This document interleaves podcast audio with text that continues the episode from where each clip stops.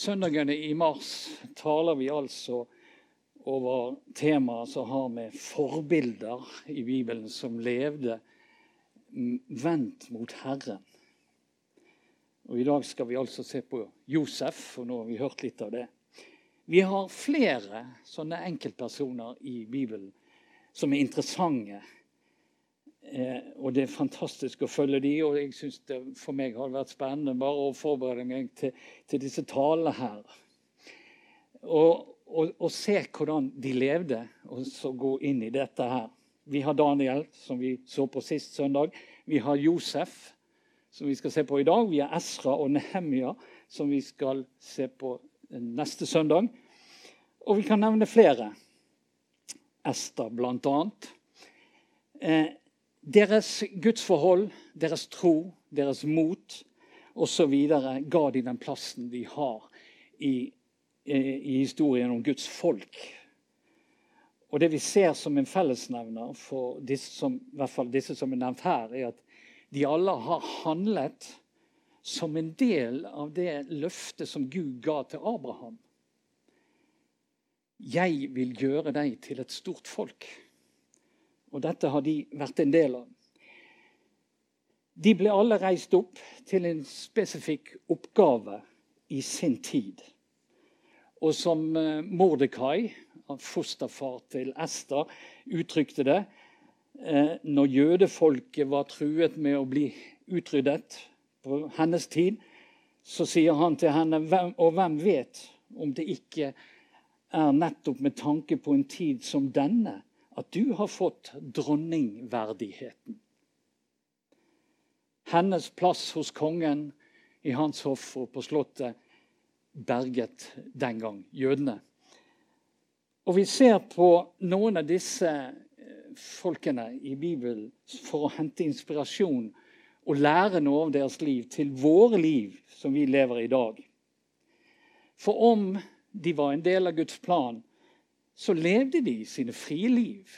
De hadde eh, mulighet til å velge, og de tok sine valg.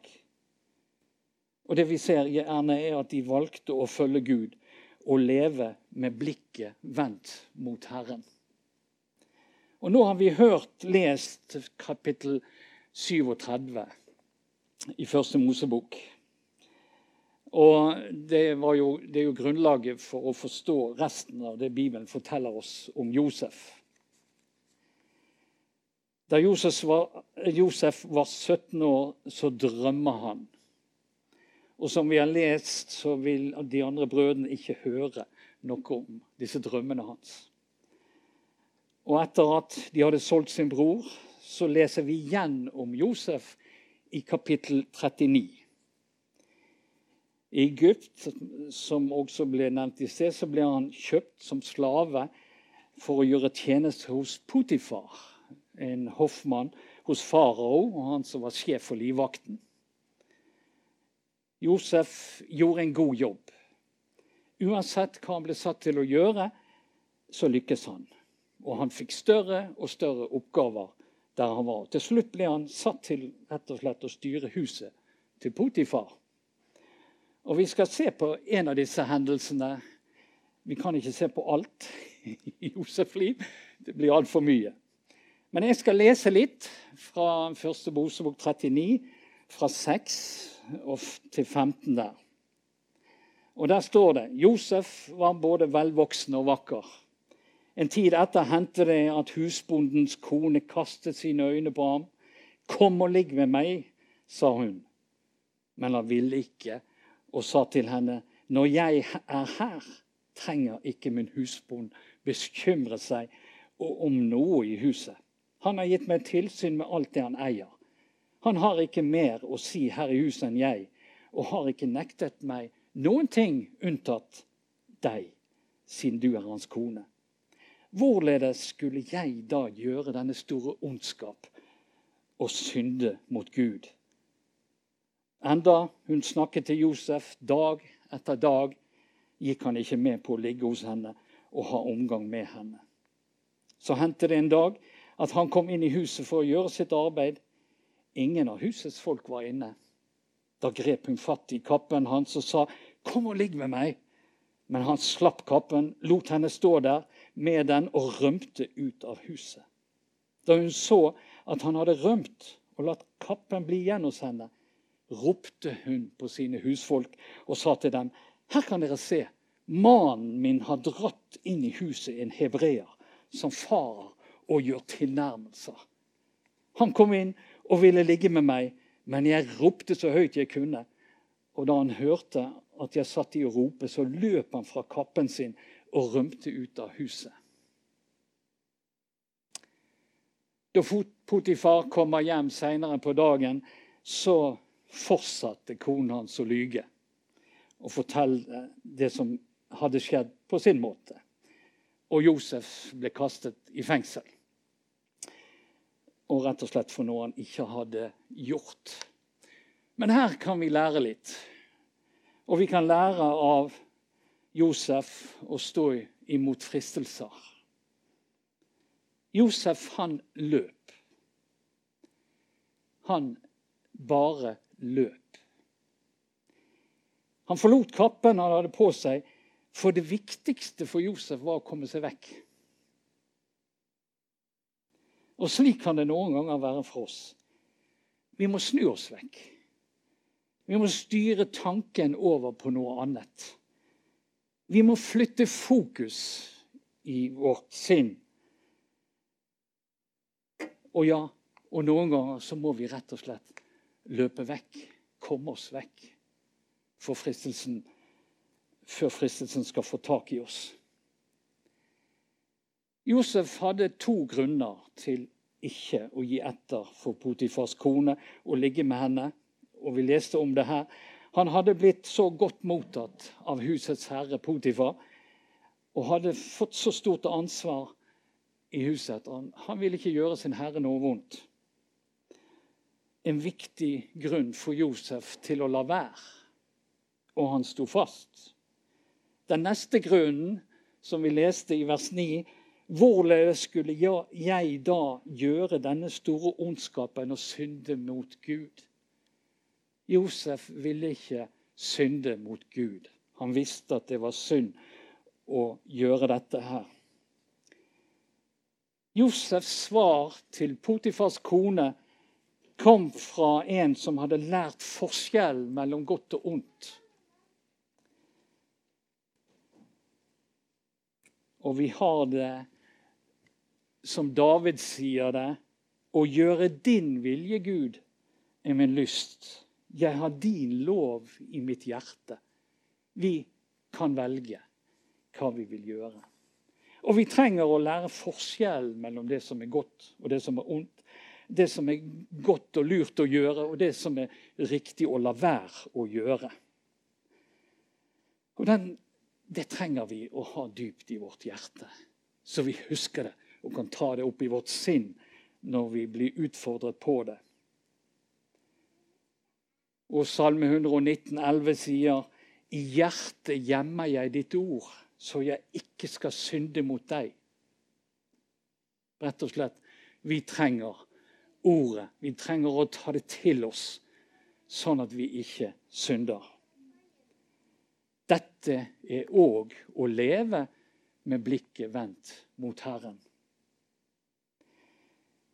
Josef hadde nok sine stunder der må, han må ha vært lei seg over å ha blitt behandlet så dårlig som han ble. Det er helt naturlig å tenke sånn. Først av brødrene, som ikke ville høre på han og han hadde med han å gjøre, og som solgte han. Og så var Potifars kone som anklaget han. Og nå satt han der i fengsel. Men det er noe fint å legge merke til ved Josef. Til tross for all den motgangen han hadde i livet, så gjorde han arbeidet sitt skikkelig. Han arbeidet iherdig, og han var trofast. Han var tro i det små. Og Dette kan vi lære av Josef å være tro i livets små oppgaver og de hendelser vi møter. For det vil trene oss og utruste oss slik at, kan, slik at Gud kan bruke oss i enda større oppgaver i sitt rike. Josef er en som er beskrevet i lignelsen om talentene. Hør bra her. Det er bra, du gode og tro tjener. Du har vært tro i lite, og jeg vil sette deg over mye. Sist søndag så, så vi på Daniel som forbilde. Daniel tydet drømmer, og det gjør også Josef. Først tyder Josef drømmer til to av faraos eh, hoffmenn, de som levde ved hoffet, munnskjekken og bakeren. Eh, de var kastet i fengsel for en forseelse de hadde gjort. Og de havnet da i samme fengsel som Josef. En natt så drømmer de drøm, begge disse to. Og så forteller de det til de andre som er i fengselet. Og Josef får høre dette, og han tyder drømmene deres. Den ene var munnskjenk, ja. Og han ble tatt i nåde av farao og fikk stillingen sin igjen. Det fikk ikke den andre. Men det skjedde akkurat som Josef hadde tydet. To år senere står det så drømmer farao en drøm. Og han kaller til seg alle spåmenn og vismenn i Egypt. Men de klarer ikke å tyde drømmene. Munnskjenken forteller til farao sin opplevelse i fengselet og nevner for farao at det var en hebreer som tyder drømmene hans og at det ble akkurat sånn som hebreeren sa. Farao kaller til seg Josef, og så forteller han drømmene sine. Og Nå leser jeg fra første Mosebok 41, 1-7. Og Dette er altså faraos drøm. Han syntes han sto nede ved Nilen. Da steg det opp fra elven sju kuer fine å se til og i godt hold, og de gav seg til å beite i elvegresset. Etter dem kom det opp av elven sju andre kuer som var stygge å se til og i dårlig hold. De ble stående ved siden av de andre kuene på elvebredden, og de stygge, magre kuene åt opp de fine og fete. Da våknet farao. Men så sovnet han igjen og drømte en ny drøm. Nå så han sju tykke og gode aks som vokste på ett og samme strå. Etter dem skjøt det opp sju andre aks som var tynne og svidd av av østvinden. De tynne aksene slukte de tykke aksene. Og da våknet farao og skjønte at det var en drøm. Josef tyder også drømmene her. Han forteller først farao at det er bare Gud som kan gi svar på drømmene.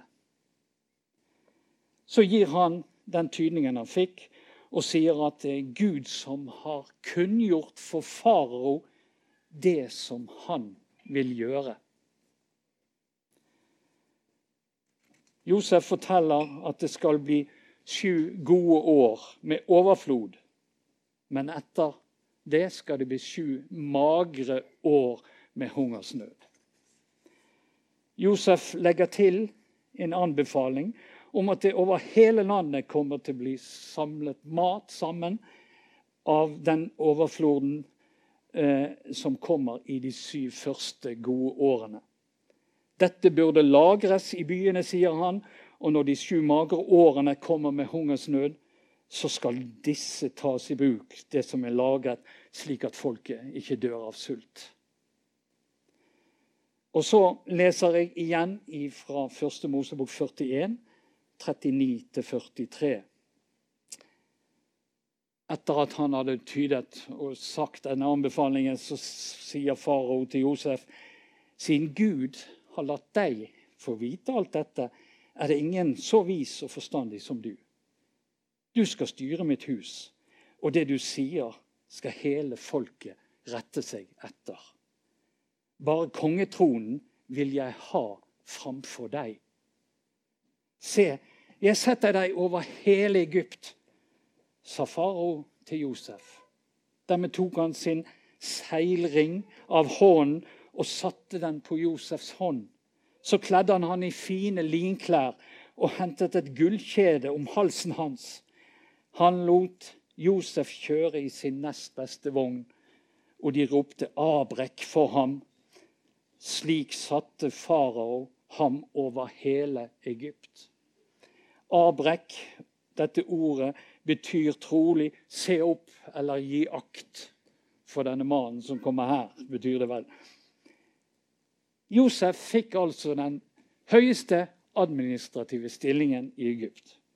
I en av de mektigste nasjoner i datidens verden. Og Josef hest og vogn ble i prosesjoner plassert som nummer to i riket.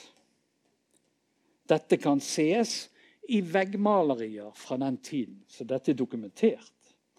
Han fikk en kone av farao, og med henne så fikk han to sønner. Gud plasserte Josef der han trengte han, i henhold til sin plan for det jødiske folket. Drømmene som farao hadde og Josef tydet, ble til virkelighet. Først kom det gode år, og så kom det dårlige år. Og det var ikke noe å høste inn. Det ble hungersnød.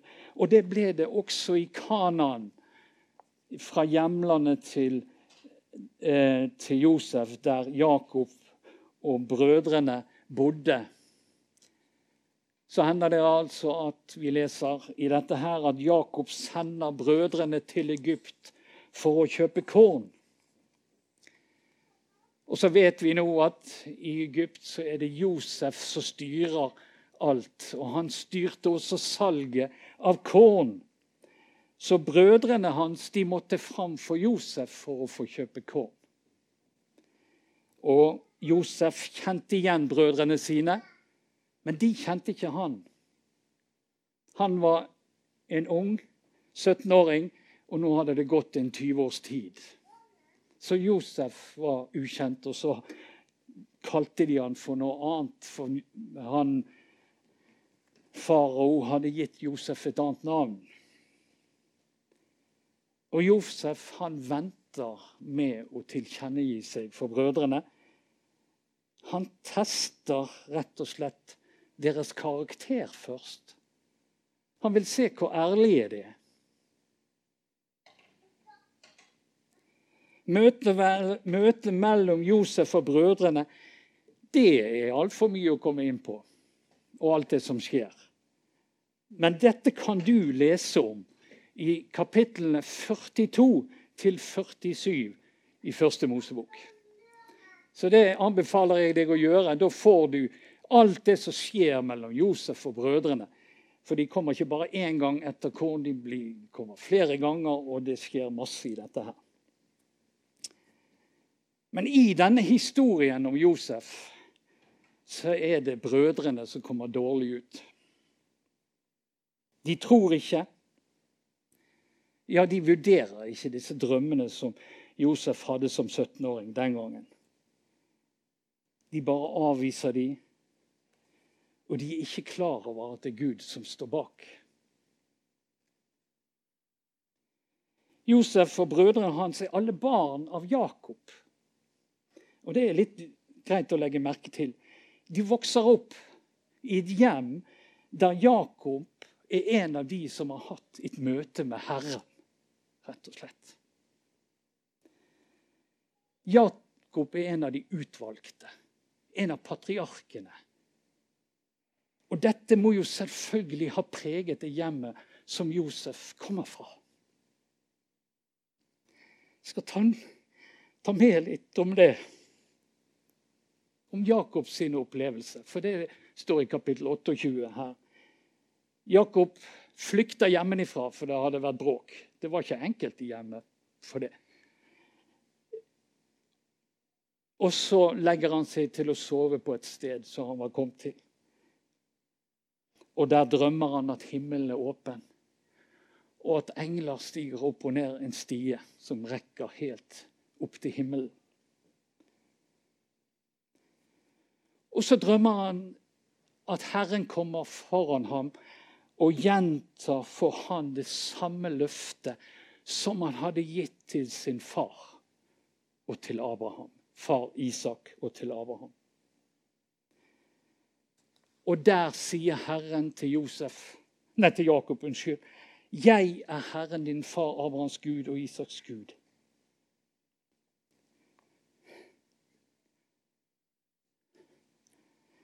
Det landet du ligger i, vil jeg gi deg og din ett.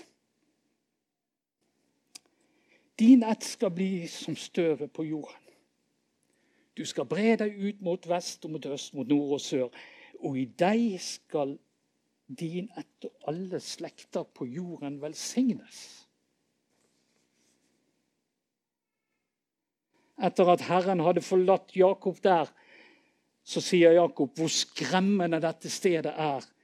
Her er Guds hus. Her er himmelens port, sier han. Etter dette så reiser han opp en bauta og salver den og kaller stedet Betel, som betyr Guds hus. Så Josef og brødrene de har fått med seg noe hjemmefra som må ha vært mektig. Det må ha vært mektig å høre far fortelle dette her. Og troen på en Gud som er med, den hadde Josef grepet, for det ser vi i hans liv. Og det er opp til oss å gripe det andre har sett. Du kan høre det. Brødrene hørte drømmen. De visste ikke at det var Gud, men det var jo Gud. Du kan høre opplevelser Jakob og forteller at han har opplevd. Men du er nødt til å gripe det sjøl. Vi må tro på de som forteller drømmer, og de som forteller om opplevelser fra Gud.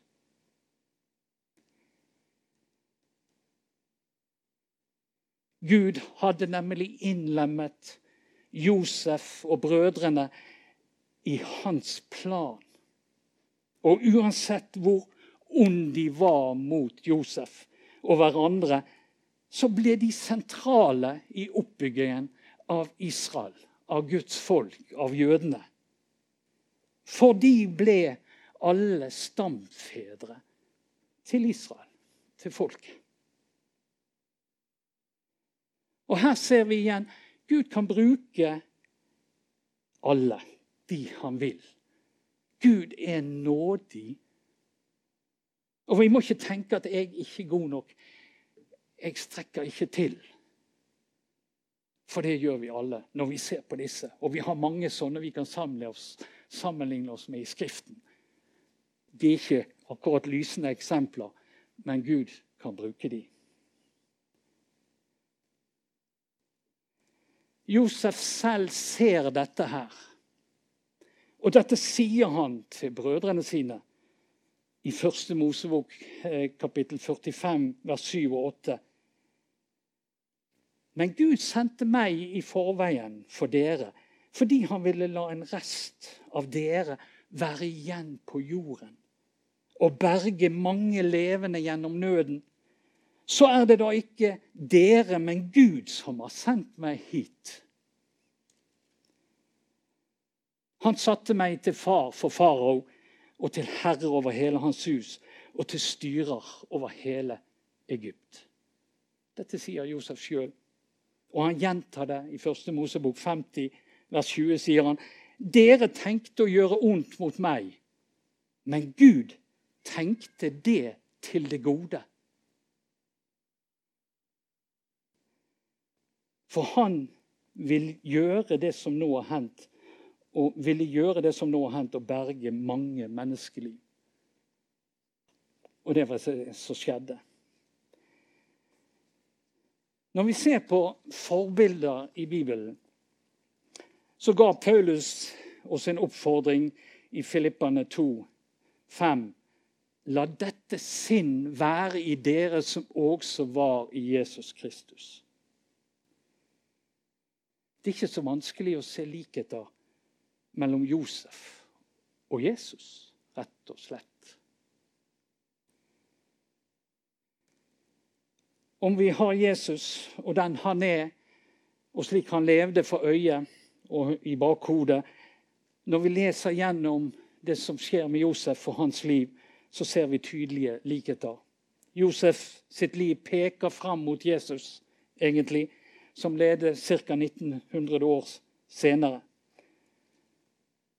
Josef sin kjærlighet til sin far, til Gud, ser du tydelig i dette her, som Jesus hadde til sin far. Josef ble fristet som Jesus ble. Josef ble uskyldig dømt. Det ble også Jesus. Josef gav Gud æren. Det gjorde Jesus i sitt liv. Josefs rene liv til tross for sin synd, men Jesus levde uten synd. Josefs tillit til Gud, som også Jesus hadde. Josef var et, egentlig, og er et fantastisk forbilde for oss på mange måter. egentlig lik han som skal være vårt fremste forbilde, som er Jesus. Det er mye fint og viktig vi kan lære av Josef. Og vi har vært inne på hans oppførsel i huset til Potifar. Hans trofasthet og hans vilje til å tjene der han ble plassert. Det, når du ser dette og leser de oppholdene han har i fengsel, så ser du dette her. Hans tro på drømmer, han fikk, og hans tro på at Gud kunne gi tydningen. For det må han jo ha hatt når han kunne presentere det framfor farao. Hans visdom som forvalter av korn og landets matforråd. Hans vilje til å tilgi sine brødre, de som ville ham bare vondt. Det å tilgi, det har en helbredende kraft på en, måtte, på en slik måte at både skadene hos forbryter og hos offer blir lekt. Som Gud har tilgitt oss, skal vi tilgi andre. Det er oppfordringen til oss.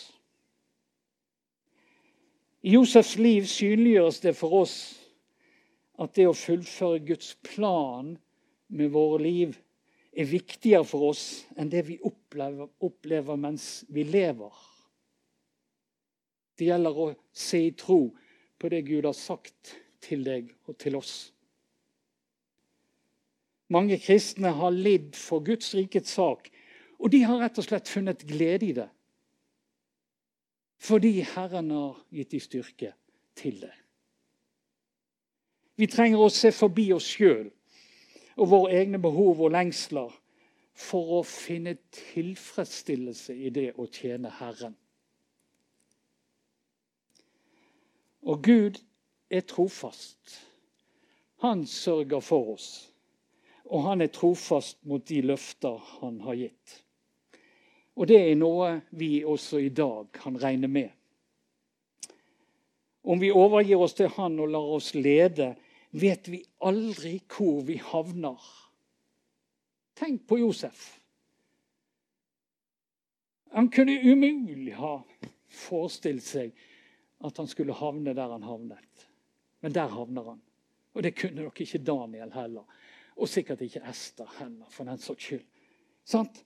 Men Gud kan bruke de. Gud kan sette de inn i noe. Og det kan være så stort at du aldri kan tenke deg det. Vi har Billy Graham, som var en ung gutt som ikke ville gå på møteserien som var der. Men en dag ble han med, og han ble forvandlet. Så la oss ikke se smått på den oppgave Gud gir oss, men utføre den med et villig hjerte. Være tro i det små og begynne der, og ikke hoppe over noe. Men la oss vokse og modnes i det som Gud har for oss. Så la oss tjene Gud og mennesker og leve i forventning til det Gud vil bruke oss til. Skal vi be sammen. Vi takker deg, Herre, for at vi får hente inspirasjon fra sånne mennesker som Josef som, og hans liv, Herre. Takk for det som vi får lære av han Og jeg ber om at du nå gir oss tro. Tro på at du kan gjøre mye mer enn det vi fatter og ser og forstår. Tro på at du kan ta oss videre inn i nye ting. Så kom, Hellige Ånd, og start dette i våre liv som du vil starte. Tal til oss og gi oss neste steget. Hjelp oss til å være trofast i det du har satt oss til. Amen.